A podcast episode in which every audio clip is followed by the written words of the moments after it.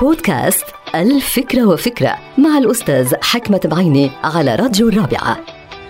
تحتوي عقول البشر على نظامين من التفكير. الأول بيشتغل بشكل غريزي أو تلقائي وبيتطلب القليل من الجهد والمعلومات والثاني بيشتغل بشكل مركزي أو تحليلي وأكثر دقة ويتطلب المزيد من الجهد والانتباه. بتختلف أفكارنا وأفعالنا اعتمادا على أي من النظامين بيتحكم أكثر في عقولنا. فإذا تعرضنا لحادثة أو مشكلة معينة وكان لابد لنا من اتخاذ موقف أو نعتمد قرار لحل هذه المشكلة فما لدينا إلا أن نستخدم أحد الخيارين.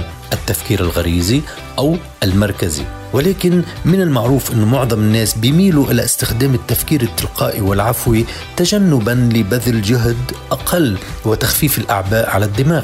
وهؤلاء الناس يدفعون ثمن باهظ لميولهم الفكرية اللي بيوصفوها عادة بالكسل الفكري. فيما هناك قلة من الناس بفضلوا الطريق الأصعب أي التفكير التحليلي بالرغم من صعوبته. هؤلاء الناس هم أكثر حذرا من غيرهم لأنه يميلون أو لا يميلون لاتخاذ القرارات العفوية المكلفة ماديا ومعنويا واجتماعيا. بالحالتين لابد من التنويه أنه خطر الوقوع بأخطاء فكرية يمكن أن يحدث من خلال النظامين المذكورين. لأنه لا وجود لضمانات بهذا الخصوص لا سيما وانه قليل من التفكير مثله مثل الكثير من التفكير.